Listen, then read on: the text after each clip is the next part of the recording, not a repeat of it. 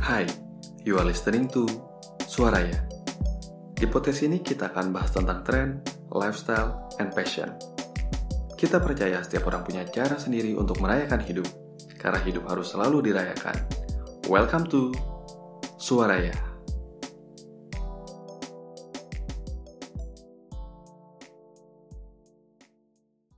Oke, balik lagi di Suaraya. Hari ini kita udah masuk ke episode kedua. Setelah episode sebelumnya kita udah bahas mengenai uh, triathlon. Jadi yang belum dengar boleh dengar dulu soal triathlon di episode kita yang pertama. Nah, hari ini kita mau coba bahas topik yang tidak kalah seru dengan episode pertama. Dan hari ini juga gue udah kedatangan eh, special guest yang udah ditunggu-tunggu sama teman-teman listener semua.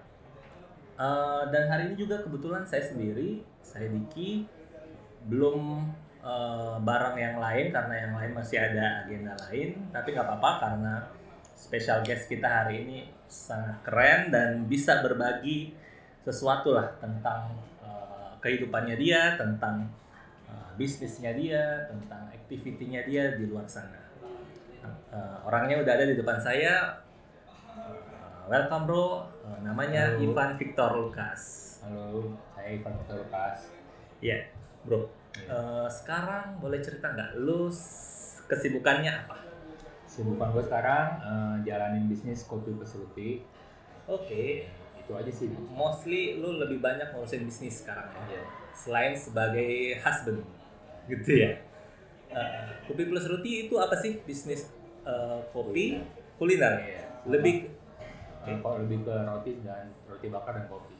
roti bakar dan kopi. Iya. Sekarang ada di mana, Bro? Ada di Sunter dan Kelapa Gading di Mall Kelapa Gading 3. Nah, Sunter dan Kelapa Gading. Jadi warga Gading boleh nyobain ya. Eh, eh, Oke. Bisnis kopi plus Ruti mulai tahun berapa ya? Mulanya tahun 2018. 15 Oke. tahun sih. Eh, baru setahun sekarang udah punya dua outlet. Iya.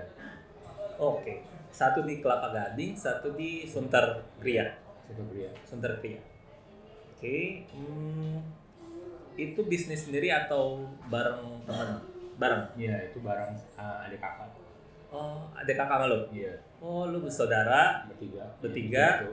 bikin bisnis itu. Kopi plus roti. Jadi basically kuliner, ada kopinya, ada Roti bakar. roti bakar. Iya, roti bakar gaya, gaya baru. Roti bakar gaya baru. baru. Tagline. Oh, roti bakar gaya baru. gaya baru. Jadi beda lah ya sama roti-roti pada umumnya. Ya, Bedanya apa kita sih? kita tuh yang pertama kali ciptain roti alpukat kopi. Roti dipakein alpukat. Iya, itu kita yang pertama kali Oh, ciptain. I see. Ya, sebelumnya gue juga udah pesen sih. Iya. dan emang lo harus cobain. Oke, berarti eh, mostly hari-hari ngurusin bisnis ya, Ya, kurang lebih kira-kira kayak gitu ya. nggak ada sajok sajok lain. Oh, selanjutnya boleh tahu nggak apa aja nih? Nah, Sibukan lain, yang lain sibuk sih kayak branding. branding. Iya, karena gue juga kerjanya gra- grafis desain kan. desain Oh, graphic designer. Iya, Lo lebih ke desainernya atau? desainer. ya. Oke, Iya, Jadi gue kerjain branding, lebih kerjain terus kayak produ- produksi merchandising gitu-gitu. merchandising. Iya. I see. Itu sendiri atau ada Sendiri. tim? Oh, sendiri itu eh, private lah ya. itu dulu awalnya sih ada tim namanya otak encer Otak dulu Encer? ya dulu ada kreatif lab ada eh, kreatif lab kreatif house Creative House itu ada banyak tuh rame tuh itu dulu enggak sih berlima doang berlima. Iya, dari- project project project desain iya dari- kuliahnya emang desain iya oke sip sip nah dari awalnya yang fokus ke desain terus beralih ke kuliner itu diajakin atau emang udah punya passion di kuliner atau itu awalnya tahun berapa? 2017 Berapa? kira-kira tahun 2015 sih itu awalnya kerja jadi makom di coffee shop oh sebelumnya pernah jadi markom di coffee shop oke iya jadi Terus? dari situ baru mulai suka sama dunia F&B sama dunia kopi Iya. tapi pernah cobain jadi barista atau racik kopi pernah pernah lah, pasti tapi emang passionnya awalnya dan ilmunya juga belajarnya oke waktu jadi markom itu jadi gue kira-kira lima tahun pernah jadi markom di F&B Iya. jadi markom coffee shop sama markom itu soju house Soju, ya ya ya ya. ya. Jadi memang basically dari dunia desain, terus masuk ke Iya, markom, iya. F&B. Iya. Saat itu mulai jatuh cinta sama dunia F&B. iya Oke, mulai bisnis 2018. cuma nggak sih mulai awal pertama kayak bisnis dari 2000 2001 Boleh boleh cerita nggak bisnis pertama lo apa? bisnis pertama tuh ya itu kita bikin kayak graphic house gitu Oke, itu graphic house. ya itu Sambil zaman kuliah? iya sambil kuliah Oke. jadi awal kuliah tuh kira-kira semester 2 gitu kita udah bikin namanya otak encer desain dan fotografi nah itu sama teman-teman satu kelas gitu bikin nah, setelah lulus kita baru bikin kantor dan studio Wow. cuman yang nggak running well aja Ah. jadi kita ya akhirnya mencari masing-masing Masing-masing jadi itu sampai pencapaiannya apa tuh? Otak encer itu pernah ngerjain projectnya apa gitu? Company apa pernah? nggak? banyak sih Salah satunya? Source Kerjasama? Sally, kita pernah- Sourcing? iya baru pertama kali awal branding Bagian brandingnya ya, full ya, mulai dari logo, Ya. konsep, enggak lebih kepada ini sih dia apa sih produk produknya, Iya. jadi kayak eh, desain produknya, kemasannya. Iya. Oh, I see, I see. Ya, orang semua sekarang udah lihat soft selling sih, udah keren banget. Iya. Salah satunya itu hasil kerja lo ya. Setelah itu apa lagi? Ini apa? Otak encer. Ya selain itu. Kita juga kita lebih fokus eh, di dulu tuh kita lebih fokus ngejain buku tahunan sih. Oh, Ya, bu. Awal-awal kampus-kampus ya, Sekolah. sekolah. Iya. Awal Oh, itu lebih ke desain doang atau sampai ke produk produksinya juga? sampai produksi reproduksi ya banyak tuh buku tahunan ada aja banyak banyak sih. Kita kerjain ya dulu. kalian fotografernya juga Iya semuanya all in. Jadi jadi kita lebih fokus ke desain sama foto. desain sama foto Iya. tapi kalau lo sendiri lebih ke desain Kalau gue lebih ke desain. desain Iya. ada Iya. temen lo yang Foto. fotografer Iya fotografer itu Ferry Rusli. very loosely Iya. oh lo satu tim sama Satu dia tim, iya. I see oke mulai dari otak encer kemudian setelah itu Dari situ bikin clothing line. Oke. Digni- Dignity Cloth. dignity ya Iya. gue follow tuh instagramnya dignity Iya, itu. itu bareng-bareng siapa Sendiri. sendiri Sendiri. sampai sekarang Enggak, itu lagi di lagi di offin dulu. Jadi lagi jadi bisnis lo Iya. Fit. iya karena waktu itu kan gue, eh, kira-kira tahun 2017 gue sempat sakit kan. Jadi oke jadi lebih fokus buat recovery dulu. Jadi kayak bisnis segala macam diberhentiin dulu. Itu yang yang nyita-nyita tenaga. Oh, jadi lu running Dignity mulai tahun Itu dari 2011. 2011, kemudian 2017 off. Iya. Oke, sampai sekarang masih Iya, terus 2018 bikin kopi tersebut. 2018, Iya. eh, 2017 lu sakit, 2018 baru bisa mulai eh, cobain bisnis lain. Iya. Kenapa sekarang lu nggak mulai lagi Dignity-nya?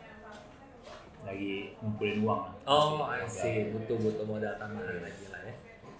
Ya, sama make butuh sense. resource sih ya karena um, bikin coding line itu nggak semudah yang dipikir sih kalau tuh dulu misal tuh dari- masih totally sehat sih gampang kerjain ya tapi kalau kalau sekarang sih butuh bantuan orang gitu Oke, karena karena butuh storage gitu gitu iya jadi nggak nggak cuma harus Lebih ke beli bukuan, iya. operational ya? operational iya kalau masalah desain itu atau bisa konsep tuh bisa masih bisa kayaknya kita bisa ngobrol lebih jauh nih soal dignity menarik untuk kita Iya, explore itu sebenarnya cukup menghasilkan sih itu clothing Oke. Iya, tapi karena ya karena kemampuan juga terbatas jadi mau nggak mau harus di vakuumin dulu I see. fokus buat yang lain tapi sebenarnya awal itu juga ada karena awal juga mau merit waktu tahun itu kan Heeh, nah jadi mau prepare merit uang segala macam dibuat merit dulu Iya. betul kalau enggak Kalau enggak, nggak masa kawin. nggak jadi merit gara-gara Iya. ini nggak penting merit dulu sambil siapin tabungan lagi ya untuk bisnis lagi Oke, jadi lu eh, kalau gue rekap lu mulai dari tadi otak encer di graphic design, terus ada clothing, dignity, sampai sekarang ada Pupi Plus Iya. Ruti. Oke. Hmm, kalau Pupi Plus Ruti kan lu sama saudara-saudara lu, iya itu lu semuanya modal sendiri semuanya. iya modal Atau ada investor, enggak modal modal sendiri semuanya. cabang pertamanya yang di Kelapa Sunter. Gading. Eh, yang di Kelapa Gading ya? Iya, cabang pertama di Kelapa Gading, yang pertama kali di Sunter Bibir. Oke, sebenarnya itu hmm, satu kali buka cabang lu butuh around berapa? Itu nggak gede sih, untungnya kita buka kira-kira masih modal 120 juta. Karena kita, ya kita dapat kerjasama sama kerjasama sama pihak kedua, jadi yang provide tempat. Oke, provide tempat berarti kan bukannya tempatnya kalian bayar sendiri enggak? Enggak, jadi kita bagi hasil sama yang punya tempat. Oh, I see. Jadi kalian Yes.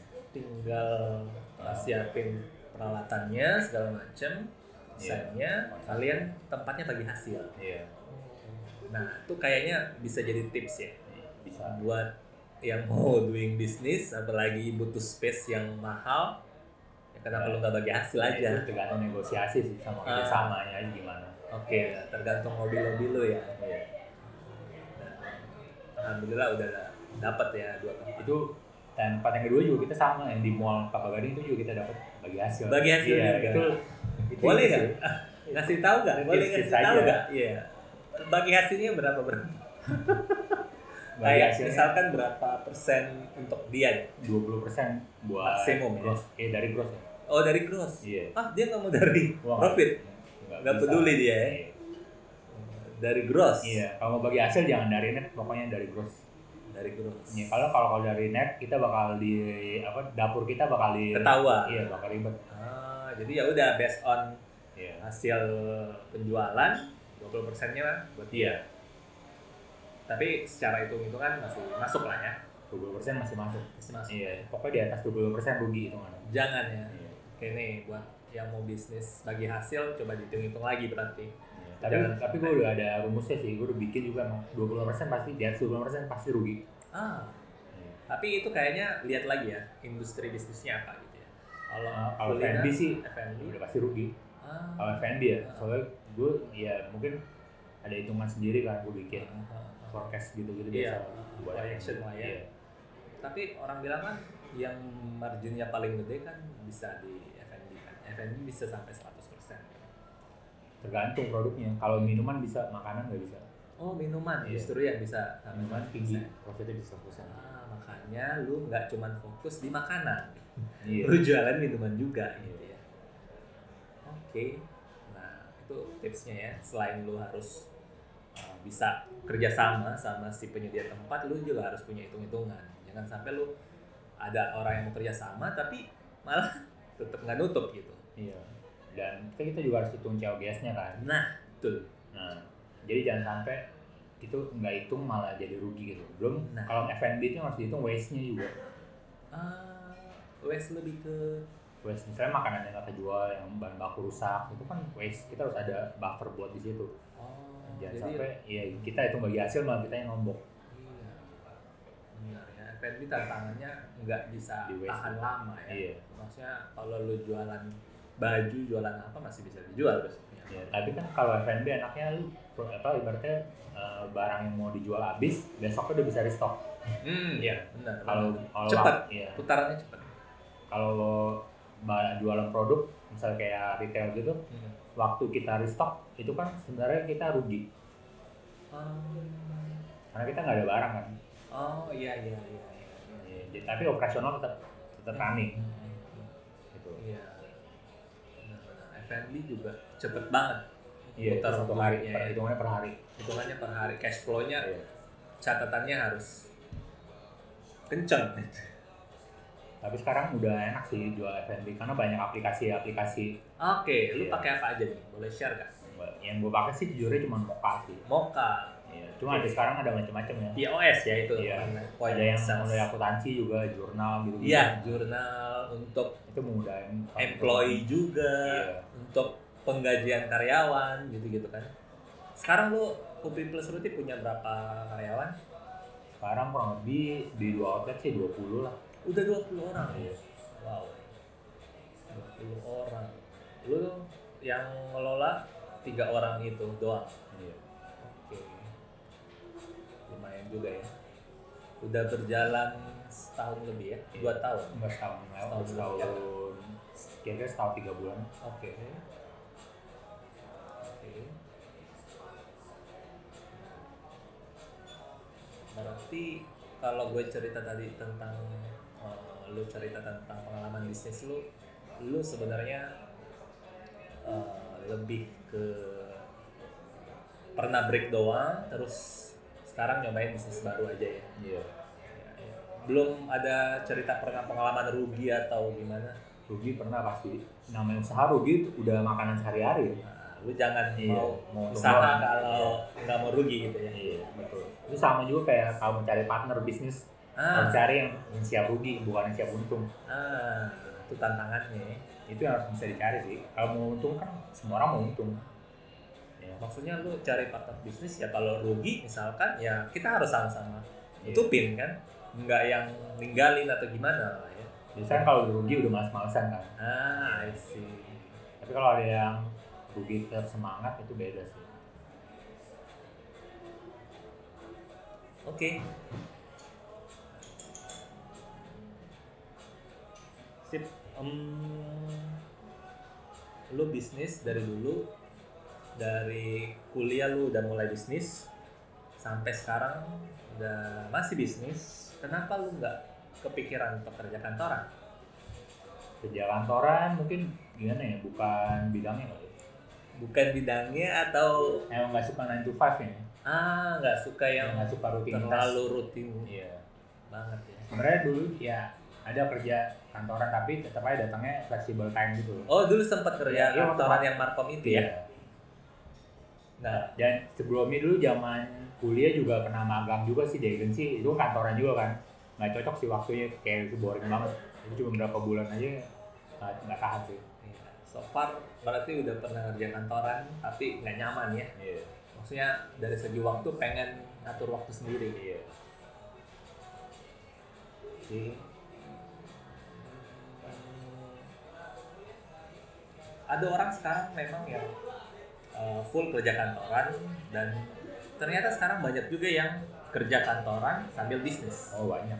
Banyak ya? Iya, apalagi sekarang kan kayak di industri 4.0 ini kan udah digitalis- digitalisasi itu udah bisa banget sih Oke, kerja sambil bisnis tuh udah bisa banget tinggal atur waktu aja kita betul.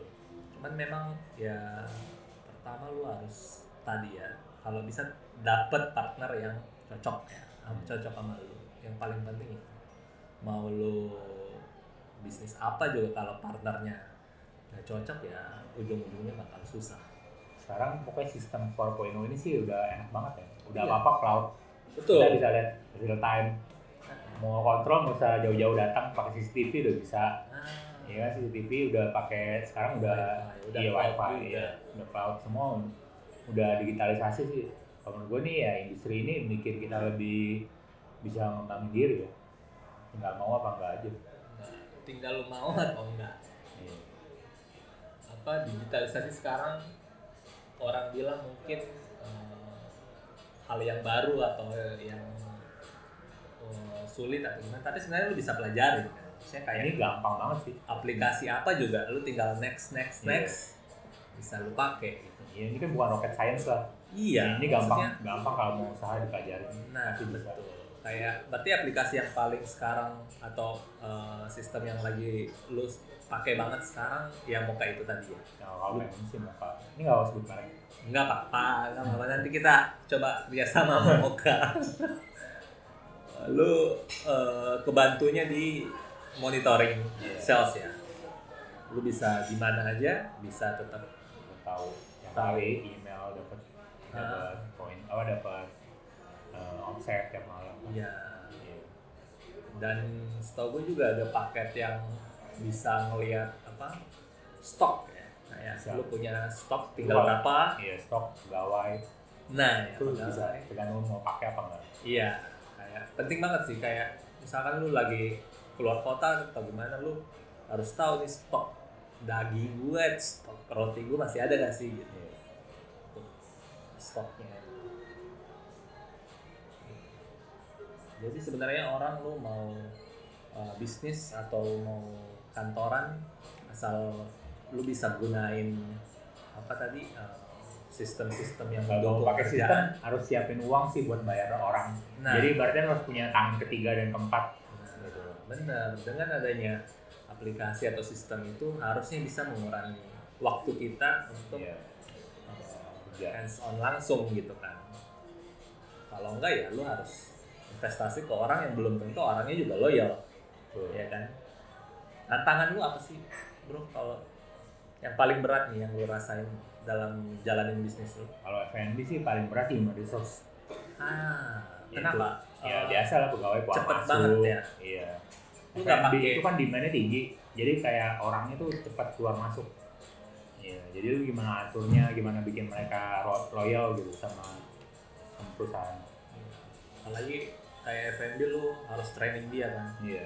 Tapi jago keluar di Nah, ilmu gitu, kita Ben. dibuka tempat lain. iya benar itu yang beberapa orang gua pernah tanya tantangannya memang sama sih di human resource lu didik nih dari awal ajarin ajarin ajarin makin pinter ya Di hijack. either dia cabut atau dia minta Di hijack. gajinya berkali-kali lipat Biasanya di hijack sih. hijack ya hijack tuh di mana-mana ada ya nggak cuma kerja kantoran Iya.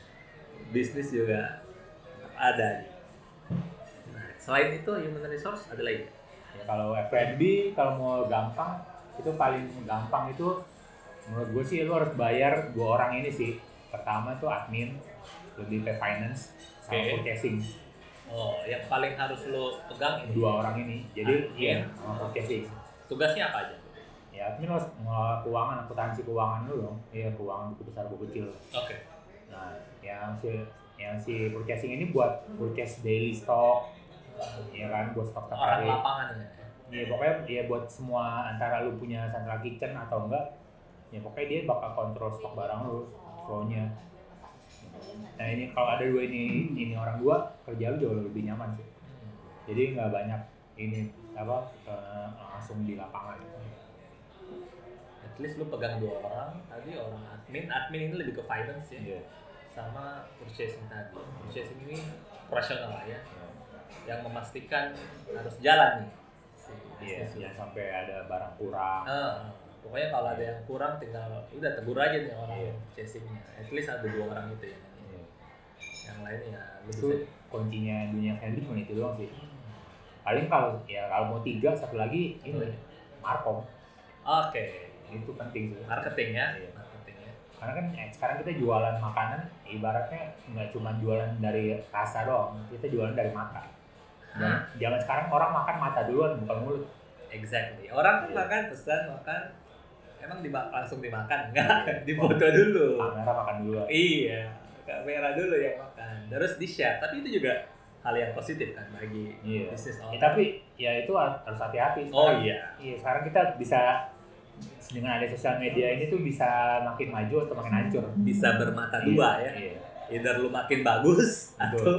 makin jatuh betul jadi lu harus pastiin produk lu tuh ya high quality iya betul kalau enggak ya ya siap-siap aja iya iya. bakal Jadi dibully setiap ada produk terus selling pointnya harus jelas ya oke selling point lu harus jelasin apa yang pengen lu tonjolin dan keunikan produk lu ya karena kompetitor kompetitornya tiap hari muncul yang baru-baru dan canggih-canggih sekarang ya jadi Indonesia sih gue boleh sih gila bisnis F&B maju banget di luar negeri ada tren apa di Indonesia nggak lama langsung ada Ata gitu ya Iya. bikin sendiri gitu kita ngomongin bisnis itu kopi kopi sekarang gila gak sih kopi-kopi lokal gila banget gila banget kan ya banyak banget brand-brand yang di luar sana kopi-kopi lokal ya sebutin lah ada kopi kenangan ada fore di mana kedai kopi bisa IPO iya di Indonesia betul dan ini yang ditakutin sama pemain-pemain kopi dari luar ya.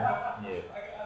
Nah, menurut lu industri kopi atau F&B kita lah secara general masih punya potensi gak sih masih banyak banget sih oke karena orang Indonesia tuh sebenarnya aw- eh, apa lebih ke habitnya itu daily habitnya tuh pasti ngopi nah, Ya, makanya gue juga bisnis awal gue kenapa namanya kopi plus roti ya karena kopi sama roti itu makanan yang gak aneh gitu orang sekali lihat aja udah tahu itu apa gitu nah. dia roti mau gimana juga tahu itu roti gitu nggak terlalu banyak pertanyaan kayak ini tuh makanan apa sih Hmm. Ah. gitu. makanya lu tetap ada brand kopinya ya walaupun sebenarnya lu lebih fokusnya ke roti lebih fokusnya ya benar ke iya roti sih iya dan itu yang jadi signature lu tadi itu ya kopi avocado. Lu ikutan tren boba-boba juga. belum sih pasti tapi ngikut tapi kita twist nanti Oke, udah ada plan lah ya. Iya. Ya, orang Bo- boba kan tren kamen gue juga ya Ah, berarti udah dari tahun kapan ya zaman berapa tahun yang lalu? 2000 mungkin 2007 kali ya kan boba Dulu ya dulu, Iya. dulu banget. Sekarang tren lagi. iya. Nah, kita nggak tahu udah trennya sampai kapan ya. boba gula aren misalnya Boba Blaren. Ya itulah brand-brand yang bikin antrinya berjam-jam. Aduh. Oke, dari bisnis terus em, lu udah merasa udah cukup kah maksudnya untuk dari segi activity lu Eh, lu pengen coba explore hal- hal-hal yang lain gak sih selain F&B selain ini ya oh F&B. pastinya lah Kan lebih kita ya, mau apa? coba yang baru Tar- target terdekat lu kira-kira apa yang, yang terdekat apa ya masih nyari sih oke Iya, masih di F&B sih pasti pasti F&B iya jadi enak soal F&B oh udah tahu selahnya lah ya udah tahu hitung hitungannya udah tahu handle nya gimana F&B ya selain karena lu udah ngerti mungkin ya masih punya potensi yang lu lihat ya masih F&B ya. Iya. selain tadi lu belum mau ngelanjutin si dignity-nya udah mulai ada rencana sih Ah, tahun Oke. ini mungkin tahun depan lah oke kayaknya ini juga udah akhir tahun iya iya akhir tahun. Iya, kita udah di penghujung tahun tahun ini. Siap-siap masuk ke tahun 2020. Jadi goals terdekatnya itu ya, kita mau coba eh, apa? Bisnis F&B lain, terus melanjutin si Dignity. Kalau dari Kopi Plus Ruti sendiri mau coba buka cabang lagi mungkin tahun depan tahun depannya. Iya. Ke inilah selatan lah. Belum ada nih selatan. mungkin rencana Harus. dua franchise mungkin berikutnya Oh, mau franchise jadinya. Oh, I see.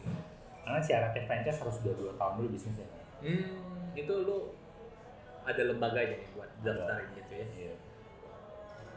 Ya, tapi kalau franchise ya berarti lu harus beda lagi strateginya. beda ya itu udah harus siapin sentra kitchen yang gede gitu. Betul, central kitchen Udah. terus SOP-nya mastiin para franchising-nya ini ngikutin gitu. Iya, sebenarnya kita juga bikin cabang juga ya itu kita belajar bikin SOP dan terapin SOP kita sendiri. Nah. Nah, nih. Kan sekarang banyak yang punya franchise tapi mereka juga belum punya SOP apa gimana gitu. Belum Nah. ada ready. nekat banget gitu Iya. ya. Maksudnya lu kalau mau buka, fra- buka franchise nggak usah buru-buru. Emang. nanti lu harus step by step lah buat mulai satu cabang dulu satu cabang works dua cabang tiga cabang ya sampai SOP lu benar-benar rapi gitu. Iya betul. jangan buru-buru lah ya SOP nggak gampang terapin nih. Nah. Bikinnya sih gampang. iya exactly Dan SOP buat franchise tuh banyak banget. nah mulai dari produksinya dari stoknya Hmm. Lebih. dari ya penjualannya Kira-kira SOP buat franchise tuh ada 9. Sembilan. Apa aja tuh? SOP franchise kira-kira tuh ada yang dari operasional, pelayanan, terus Iya. SOP sistem pembelian barang, SOP pemasaran, terus SOP seleksi karyawan dan manajer, SOP pembukuan, SOP eh, bantuan lapangan field su- atau field support, SOP quality control, SOP training, sama SOP analisa lokasi. Iya. Jadi harus fulfill sembilan SOP Iya. itu tuh ya. Iya kalau mau buat franchise. rigid ya bikin SOP-nya aja susah apalagi Iya. bikin apalagi pelaksanaan SOP-nya belum lagi auditnya ya Iya, lu kayak sering audit gitu gak sih kayak surprisingly audit maksudnya ya bukan berarti curiga atau gimana kan kita tetap harus make sure Audit sesuai tiap SOP. bulan pasti. tiap bulan ya Iya. Cuma kalau audit kayak stok ya minggu. ah, ah, ah. lebih ke service lebih ke flow gitu ya oke jadi sekarang lo kopi plus Proti udah dua cabang dan 20 karyawan boleh tau nggak satu cabang omset per bulan Omset kita sih nggak gede-gede amat sih, masih 200 sampai 250 juta lah. 200 200 Iya. Range berarti ya penggunaan 8 something per hari lah ya, kalau itu. Iya. Ya, Eh, yang turun sih bisa dari lima. Weekendnya tinggi. weekend review lah. Lebih banyak penjualan langsung orang datang atau Gojek Grab? Kalau di Mall Kelapa Gading sih lebih banyak walk-in, langsung Walk-in. iya langsung ke counter. Tapi kalau ya di Sunter itu kombinasi. Jadi kayak dari 50-50. dari biasa Gojek Oh, Ya. itu ngebantu sales banget sih mereka. Makanya sekarang kan gue lagi trend cloud kitchen, Iya, nggak punya nggak punya nah, nggak tempat. punya tempat buat makan. Iya. Itu tren yang boleh dicobain sih kalau buat ya yang mau Hmm. coba F&B. F&B, Nah, lu nggak harus butuh space yang mahal-mahal. Ini Iya, di garasi rumah Di juga. garasi juga bisa. Ya Grab sekarang juga udah ngeluarin Grab Kitchen. Iya. Ya itu. Makanya itu mungkin awalnya dari luar namanya dari Ghost Kitchen bilang. Ah, Terus kitchen. Iya.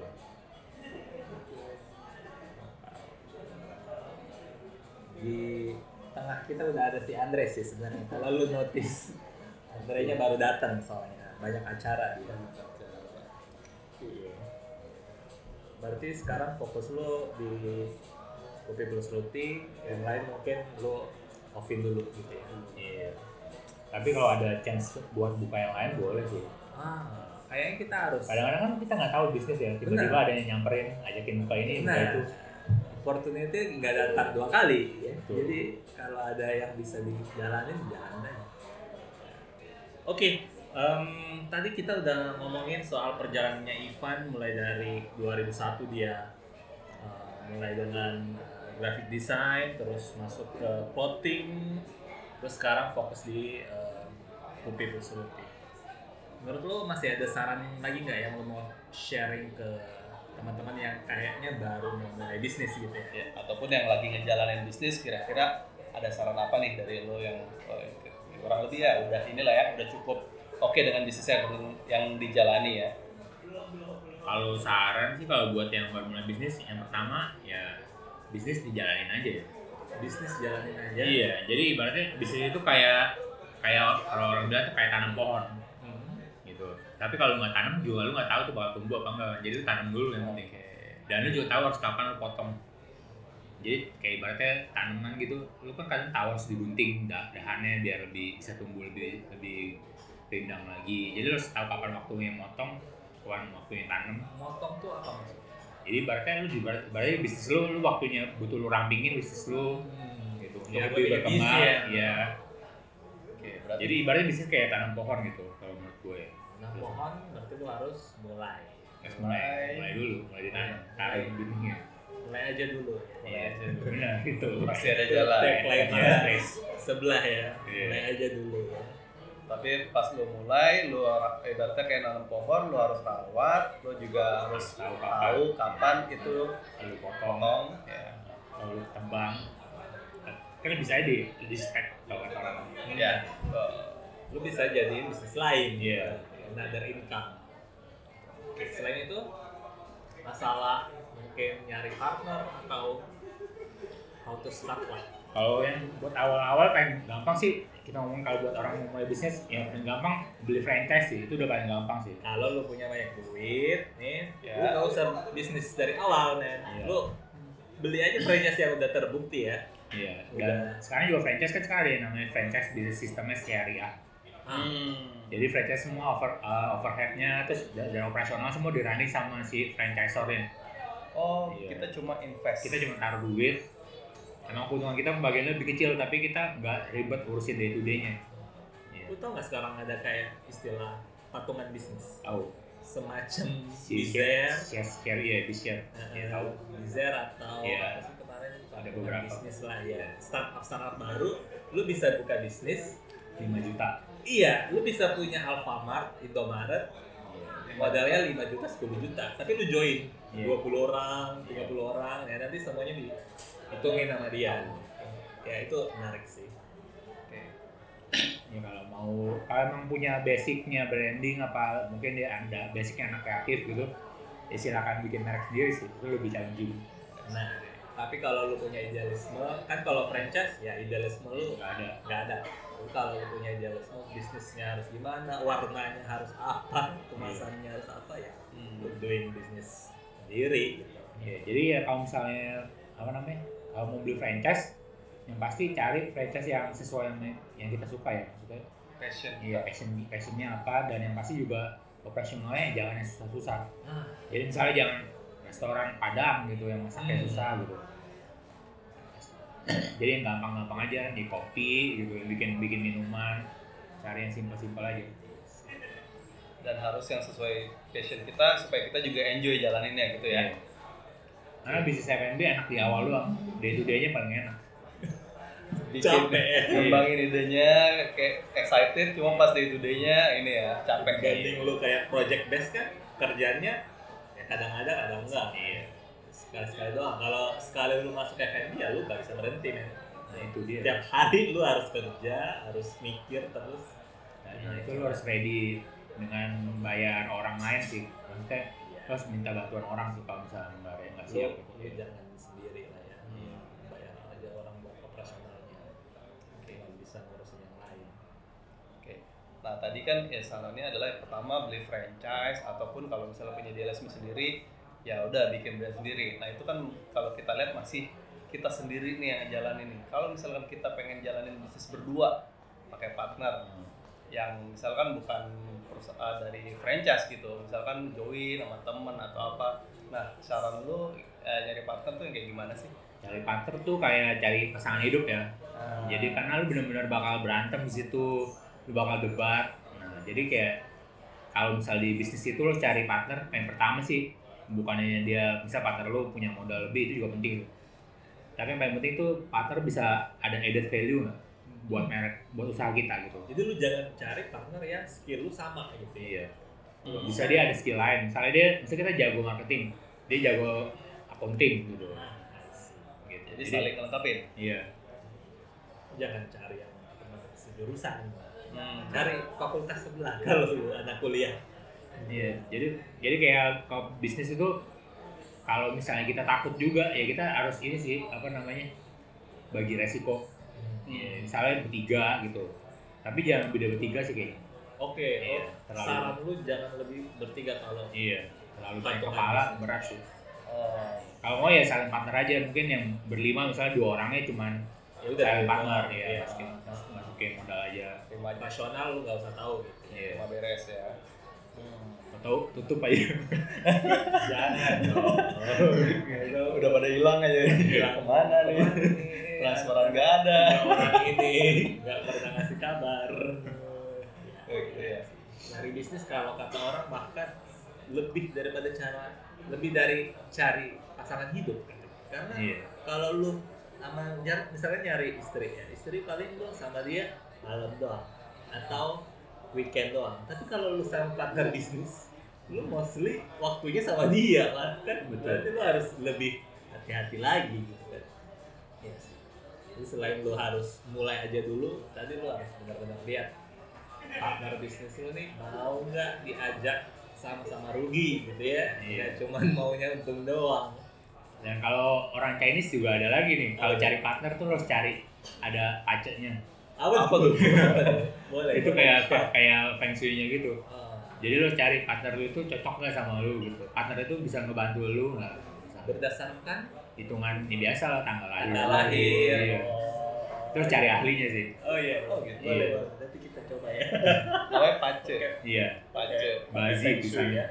Bazi di sana. bazi tulisannya Iya. oh oke oke bahasa bacanya pace ya Iya. gitu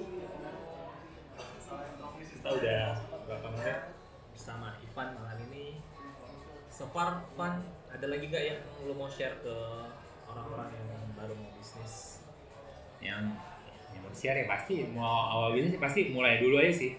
intinya Iya, sama siapin. Yang pertama tuh bukan cuman buat operasional doang.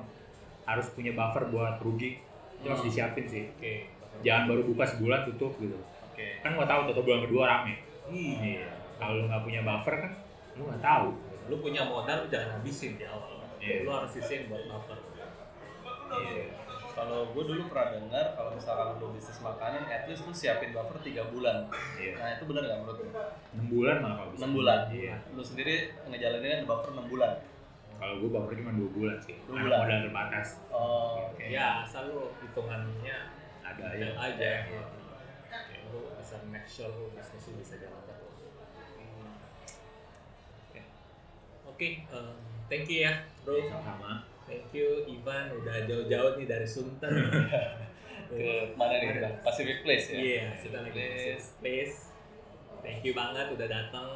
udah sharing tentang bisnisnya ya pengalaman lu. Nanti kayaknya kita harus ada another session nih buat Boleh boleh. Bahas. Siapa tahu ada bisnis bisnis baru. Nah, bisa kita mulai dari bisnis satu. Lu keto coach juga nih. Oh, itu ada Iya. sampingan sih. Sampingan. Iya, Nah, Buat kita- orang-orang yang mau langsing. Nah, yang mau diet-diet keto nanti kayaknya kita bisa bahas Iya. sama si Boleh boleh. jadi nggak cuma berhenti di sini ya eh, diskusi kita sama Ivan ya nggak cuma bisnis tapi akan ada sesi keto Selanjutnya. sesi apa lagi sesi CDC kita belum bahas masalah dunia anak band sama juga ya desainnya ya dan sebentar lagi kita doain semoga Ivan bisa jadi ayah Ayah. yang baik baik yang ya sayang istri sama anak cuy. istrinya aja Amin. udah setia dampingin ya dampingin amin Amin, amin amin. sehat-sehat ya bro istri Thank you, anaknya. ya ya thank you Thank semuanya you. nanti kalau ada saran-saran lagi teman-teman yang mau ngasih kita saran kita mau undang siapa lagi mau bahas apa lagi boleh DM kita lagi ya boleh boleh gue di @dekapradipta gue di Andre Jonathan pakai D akhirnya kita akan ada suaranya episode episode selanjutnya. oke Oke, thank you, thank you, Bang, thank you.